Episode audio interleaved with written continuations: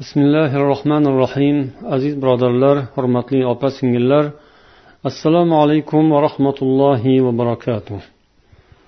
Abdulloh ismli birodarimiz ukrainadan maktub yo'llab ayollarning hijobi masalasida savol berganlar. Men o'zim ukrainada ishlab chiqarish zavodida ishlab kelaman deb yozadilar u kishi. Siz o'zbekistonda hijobga qarshi kurash ketmoqda deb ta'kidlagansiz. Iltimos savolimga javob bersangiz. Masalan ayol kishi zavodda hijob bilan ishga bordi. U ish qoidalarini buzgan holda turli uskunalar bilan ishlashiga to'g'ri keladi. Agar kiygan kiyimi orqasidan biror kor hol bo'lsa kim javob beradi? Shunday misollarni ko'plab keltirish mumkin tibbiyot va boshqa sohalarda deb yozganlar. Islom dinimiz qoidalariga ko'ra oila boqish ishlab pul topish ayol kishining vazifasiga kirmaydi. Oila tebratish ayoli va farzandlarini moddiy ta'minlash erning zimmasiga yuklatilgan. Ammo vaziyat taqozosi bilan va munosib sharoitlar yaratilgan o'rinlarda ayol kishining ishlashi taqiqlanmaydi. Bugungi kunda hijobli ayollarning ishlashiga to'sqinlik qilayotganlar ularni ish o'rinlaridan mahrum etayotganlar islomga qarshi bo'lgan tuzumlar va shaxslardir. Bu yuqoridagi savolning qisqacha javobi. Ya'ni ayol kishining hijobli holatda bo'lgan ayollarning ishlashiga islom dinimiz to'sqinlik qilmaydi balki ularga to'sqinlik qilayotganlar islomga qarshi bo'lgan shaxslar va tuzumlardir. Endi bu masalaning tafsilotiga kirishamiz va suhbatimiz davomida ayollarning ish sharoitlari haqida inshaalloh to'xtalamiz va undan keyin suhbatimizning ikkinchi nuqtasi ayollar va qarindoshlik rishtalari deb ataladi. Demak avvalo ayollarning ish sharoitlari haqida. Islom dinimiz ayol kishining huquqlarini yaxshiroq himoya etgani sababli ya'ni boshqa tuzumlardan boshqa ta'limotlardan ko'ra jiddiyroq yaxshiroq va mukammalroq himoya etgan bu islom dini bo'ladi. Mana shu sababdan uni mehnat qilish majburiyatidan ozod qilgan ya'ni ayolni. Ammo ayol kishiga mehnat qilishni taqiqlagan emas.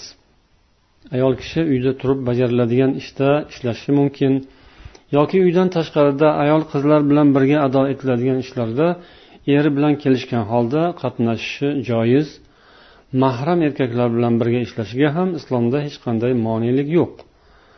Muslima ayol begona erkaklar ichida fitna va shubhaga sabab bo'ladigan holatlarda ishlamaydi. Uydan tashqarida bo'lganda shar'iy hijobida bo'ladi. Boquvchisiz ayol ham mana shu qoidalarga rioya qilgan holda mehnat qilishi mumkin. Ayol kishi oilada ham zarur bo'lganda tashqarida ham o'ziga munosib mehnat bilan shug'ullanadi.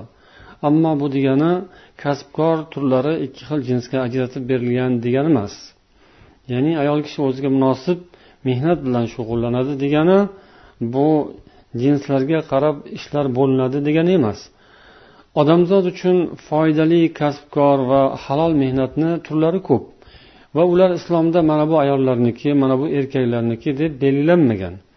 Masalan hatto qassobchilik qilish ovchilik temirchilik o't o'chiruvchilik jangchilik bu kabi ishlarni ham biror bir oyat yoki hadis bilan ayollar uchun harom deb aytilmagan. Ayol kishi masalan otgan yoki ayol kishi so'ygan hayvon harom deyilmaydi. Yoki dushman olloh asrasin uyga bostirib kirsa ayol kishi o'zini va bolalarini himoya qilish uchun qo'lga tushgan narsa bilan hujumga o'tadi. Rasululloh sollallohu alayhi vasallam zamonlarida sahobiy ayollar ham zarur o'rinlarda jihodlarda ishtirok qilishgan. Demak agar kuchi yetsa lozim bo'lgan paytda ayol kishi har qanday yumushni bajarib ketaverishi mumkin. Buni farqlanmaydi taqiqlanmaydi. Bunga uning hijobi xalaqit bermaydi. Ammo mana shu yuqorida sanalgan ishlar ya'ni og'ir mehnat yoki og'ir yumushlar deyiladi islomdan avvalgi zamonlardan beri ham asosan kuchli jins vakillari ya'ni erkaklarning vazifasi sifatida tanilib kelgan. Hozirda ham shunday. Bu diniga ham qaralmaydi. Bu borada odamlar dinidan e'tiqoddan qat'iy nazar ayollar va erkaklar o'rtasida mehnatni o'zaro taqsim qilib olishgan tabiiy taqsimot mavjud. Buni islom yoki boshqa bir ta'limot yoki qonunlar taqsimlab bermagan. Hozirgi qonunlarda ham bu ayolning ishi yoki bu erkakning ishi degan ayirma yo'q. Islomda ham xuddi shunday. Halol kasb mehnatni erkakmi ayolmi bajarishi mumkin. Hatto musulmon bo'lmagan jamiyatlar va xalqlarda ham hozirda mana shunday ayirma mavjud. Ya'ni yuqorida sanalgan ishlarni asosan erkaklar bajarayotganini ko'rasiz. Shunday alohida bo'lib tanilib qolgan ya'ni ayollar ba'zi ishlarda kamroq ishlaydi ba'zi ishlarda ko'proq yengilroq ishlarda demak ayollar hamma yerda ko'p. Musulmonlarda ham shunday qadimdan odat bo'lgan tartib. Ayol kishi duch kelgan ishda emas balki o'zining ayollik xilqatiga jismoniy imkoniyatlarga muvofiq keladigan ishlarda faoliyat ko'rsatadi. Og'ir ishlarni ayollarga tashlab qo'yishni erkaklar o'zlariga ep bilishmaydi. Mehnatni tashkil qilish borasida islom dinimizning talabi ayolning dinu e'tiqodiga sharmu hayosiga sog'lig'iga nomunosib muhitdan himoya qilinishidir. Va yana ayol kishini mehnatiga yarasha to'liq haq to'lanishi ham. Mana ayrim jamiyatlarda ayollar hanuzgacha erkaklar bilan barobar ishlashsa ham barobar ish haqi olishga erisha olmaydilar. Mo'mina ayol erkaklarning nazari va taqibi ostida yoki ayollik hurmatini saqlay olmaydigan sharoitda albatta ishlay olmaydi. Erkaklar zimmasidagi vazifalardan biri ham shuki ular ishlovchi ayollar uchun munosib sharoitlarni muhayyo qilishlari lozim. Ma'lumki erkaklarning o'zlari biror ishga kirishdan avval ishni hamma tomonlarini yaxshi o'rganadilar. Tanlash huquqidan juda yaxshi foydalanishadi. Ish tanlab ishlamasdan ham yuraveradiganlar ko'p. Bu jihatdan ayollar ham erkaklar bilan teng. Ya'ni ayollarni ham haqqi huquqi bor ish tanlashga. Aqlli va uddaburon erkaklar ayollarni mana shu huquqlarini ta'minlashga harakat qilishlari kerak. Ayollarga ya'ni yaxshi munosib ish tanlashda yordam berishlari kerak. Savolda masalan deb hijobli ayolni zavodga ishga borgani tilga olingan. Lekin hayotga qarasangiz hayotda boshqa narsani ko'rasiz. Hozirgi kunda o'zbekistonda hijobli ayollarni zavod tugul undan beriroqdagi ishlarga ham yo'latishmayapti qabul qilishmayapti. Aksincha ishlaridan haydashyapti. Ko'chada yurishga ham qo'yishmayaptiku. Davlat ziyolilari ziyolilari deng. Ko'chada ketayotgan hijobli ayolni ko'rib qolishsa o'zlari ko'p gapiradigan ma'naviyatni ham esdan chiqarishadi madaniyatni ham unutib qo'yishadi aqllarini yo'qotib salkam jazavaga tushishadi. Hijobli ayol ularni ko'ziga shunday xunuk ko'rinib ketadi. Bu yerda na bir madaniyat na bir odobga rioya qilishmaydi ayollarga muomala qilishda. Endi agar savolda ukraina haqida gap ketayotgan bo'lsa buni bilmadik. Biz u yerdagi musulmon ayollarga bo'lgan siyosatni yaxshi bilmaymiz. Ammo o'sha yerda o'zbek qochqinlariga bo'layotgan qamaqamalardan xabarimiz bor. Endi xoh ayol kishi bo'lsin xoh erkak bo'lsin zavodga ishga kirayotganda avval ish bilan tanishadi va o'ziga ma'qul kelsa qo'lidan keladigan ish ekaniga ishonch hosil qilsa ishlashga rozi bo'ladi bo'lmasa ishlamaydi. Bu narsa zavod direktori bilan ishchi o'rtasidagi masala. Ikkovi qanday kelishadi o'shanday bo'ladi ish. Muslima ayol ham aqli bor o'zining huquqlarini biladi burchlarini yaxshi anglaydi nima ishda ishlay oladi nima ish unga to'g'ri kelmaydi bu o'zi aqli yetadi o'zi ajratadi. Qiladigan ishni qilaman deydi qilolmaydigan ishni qilolmayman deydi. U stanokni tepasiga borib olib keyin u yerda bir korxona orttirib qo'yadigan deb baho berish to'g'ri bo'lmaydi. Ayollar o'zlari aqlli alhamdulillah bilishadi. Qaysi ish ularga munosib munosib bo'lmagan ishni oldindan ular aytishadi unaqa ishga kirishmaydi ular. Endi ayollar va qarindoshlik munosabatlari haqida mana shu o'rinda bir ikki og'iz to'xtab o'tishga to'g'ri keladi. Chunki ayollar mana aslida ishlash majburiyatidan ozod lekin ularni ishlamasa bo'lmaydigan og'ir sharoitlarga tushib qolganlarini ko'rasiz. Bunda ko'pincha erkaklar aybdor bo'ladilar. Mana shunga erkaklar ham sababchi bo'ladilar. Ayolning o'zi ham sababchi lekin erkaklarda ham bunga sabab topiladi. Ayol kishi masalan eri bor bo'lsa oilali ayol bo'lsa albatta oila rahbari er javobgar moddiy ta'minotdan. Ayol kishini hamma tomonlama ta'minlashga erkak mas'ul. Endi ayol kishini mabodo eri bo'lmasachi unda otasi bordir akasi yoki ukasi bordir voyaga yetgan erkak jiyanlari bordir amakisi bo'ladi yoki tog'asi bo'ladi. Lekin mana shu odamlarni biz nima uchun sanayapmiz? Bu odamlarni hozirdagi ayollarni ishlash masalasiga qanchalik aloqasi bor ekan deb ba'zilar hayron bo'lishi mumkin. Lekin biz aytmoqchi bo'lgan narsamiz shuki islom dinida silay rahm degan tushuncha bor bu farz. Silay rahm bu qarindoshlik haqlari degan so'z.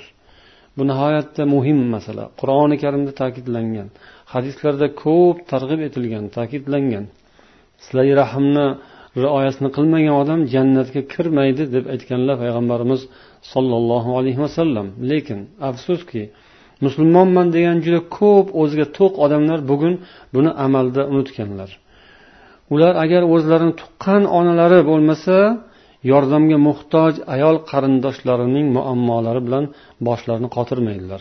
Ular ayol qarindosh bo'lsa ham ona bo'lmasa bo'ldi uni muammosini o'zlariniki deb bilishmaydi. Holbuki bunday bo'lishi kerak emas. O'sha erkaklar zimmasida onalaridan boshqa qarindosh ayollarni ham anchagina haqlari bor. Endi ayol kim? Ayol kishi eng avvalo suyukli turmush o'rtog'i. Uning eri ustida ancha haqlari bor. Ayol bu muhtarama ona. Onaning farzandlar ustida haqlari haddan ziyoda. Ayol yana dilga qalbga yaqin jigar ya'ni opa yoki singil. U o'zining ukalari va akalari huzurida xuddi otalari va onalari kabi qadri baland inson. Ayol kishi ya'ni opa yo singil ota onadan qolgan noyob yodgorlik sanaladi aka uchun uka uchun. yana shunday davom etadigan bo'lsak ayol kishi o'zining o'g'il jiyanlariga nisbatan nafaqat xola yoki amma balki ona bilan teng hurmatga sazovor inson islom dinimiz mana shunday ko'radi lekin ko'pgina odamlar bu narsani farqiga borishmaydi mana bu hadisga e'tibor bering عن البراء رضي الله عنه قال قال النبي صلى الله عليه وسلم الخالة بمنزلة الأم براء ibn ozibdan rivoyat nabiy sollallohu alayhi vasallam dedilar xola ona bilan teng maqomdadir buxoriy va termiziy rivoyatlari. Qarang bu hadisda payg'ambar sollallohu alayhi vasallam xolani ona bilan tenglashtirdilar. Ona bilan teng maqomda xola. Yana bir rivoyatda keladi an aliyin va abdulloh annahuma nazzala al ammata manzilatal ab wal khalata manzilatal um va ruya an umar fil ammati wal khala. Umar ali va abdulloh ibn masud roziyallohu anhular ammani ota o'rnida xolani ona o'rnida sanar edilar.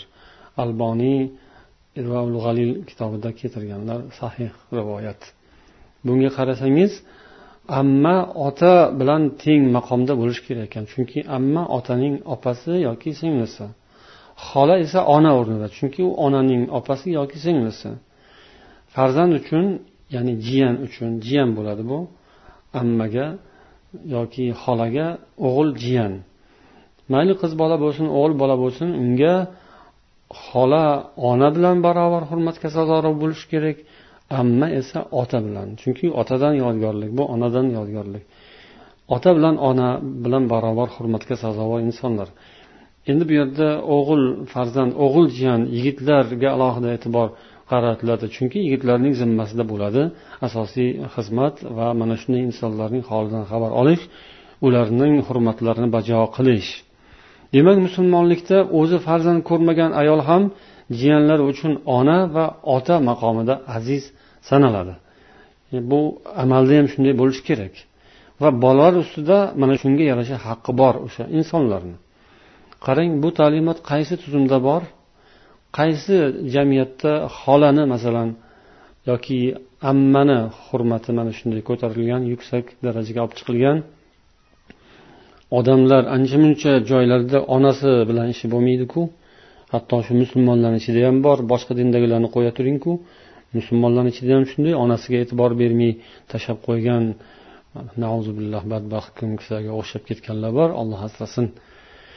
Bunga bu ta'limotga odamlar qanday amal qilishyapti? Mana hozir hayotda ko'pchiligimiz islomning bir chetini bilamiz. O'zimizga yoqadigan joyini bilib olamiz boshqa tomonlarga ahamiyat bermay yuramiz. Keyin talashib tortishishga ham ustamiz. Islomni tahqiq qilib tekshirishga o'tadiganlar bor ba'zilar. Agar odamlar islom dinini yaxshi bilsalar va unga to'liq to'liq amal qilsalar edi qarindoshlik haqqini bajo qilib yurardilar. Va ayollarni ham hech qachon qiyin sharoitlarga tushirib qo'ymagan bo'lardilar. Demak ayollarni ishlash masalasi yoki hijobi masalalaridan kelib chiqqan bu masala ham bor. Agar ayollarning haqqini huquqini hamma o'rinlarda biz rioya qilsak ayol kishi demak u bir necha jihatdan hurmatga sazovor.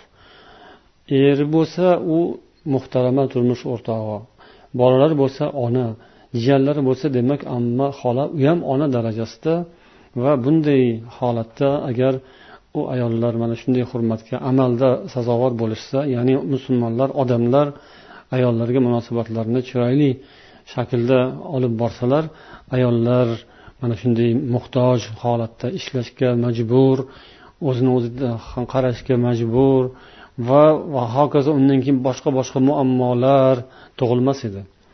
Alloh taolo barchamizga hidoyat bersin. Onalarimizni ammayu xolalarimizni opayu singillarimizni ayollarni hammalarini hurmatlarini va haqlarini ado etishni barchamizga nasib etsin. Ayniqsa hijobli ayollarning qadri qimmati ularga yordam berish ularni himoya qilish ularning huquqlarini ishdagi yoki o'qishdagi yoki oddiy hayotdagi huquqlarini himoya qilish va ularga yordam berish barchamizga muvaffaq muyassar bo'lsin. Assalomu alaykum va rahmatullohi va barakatuh.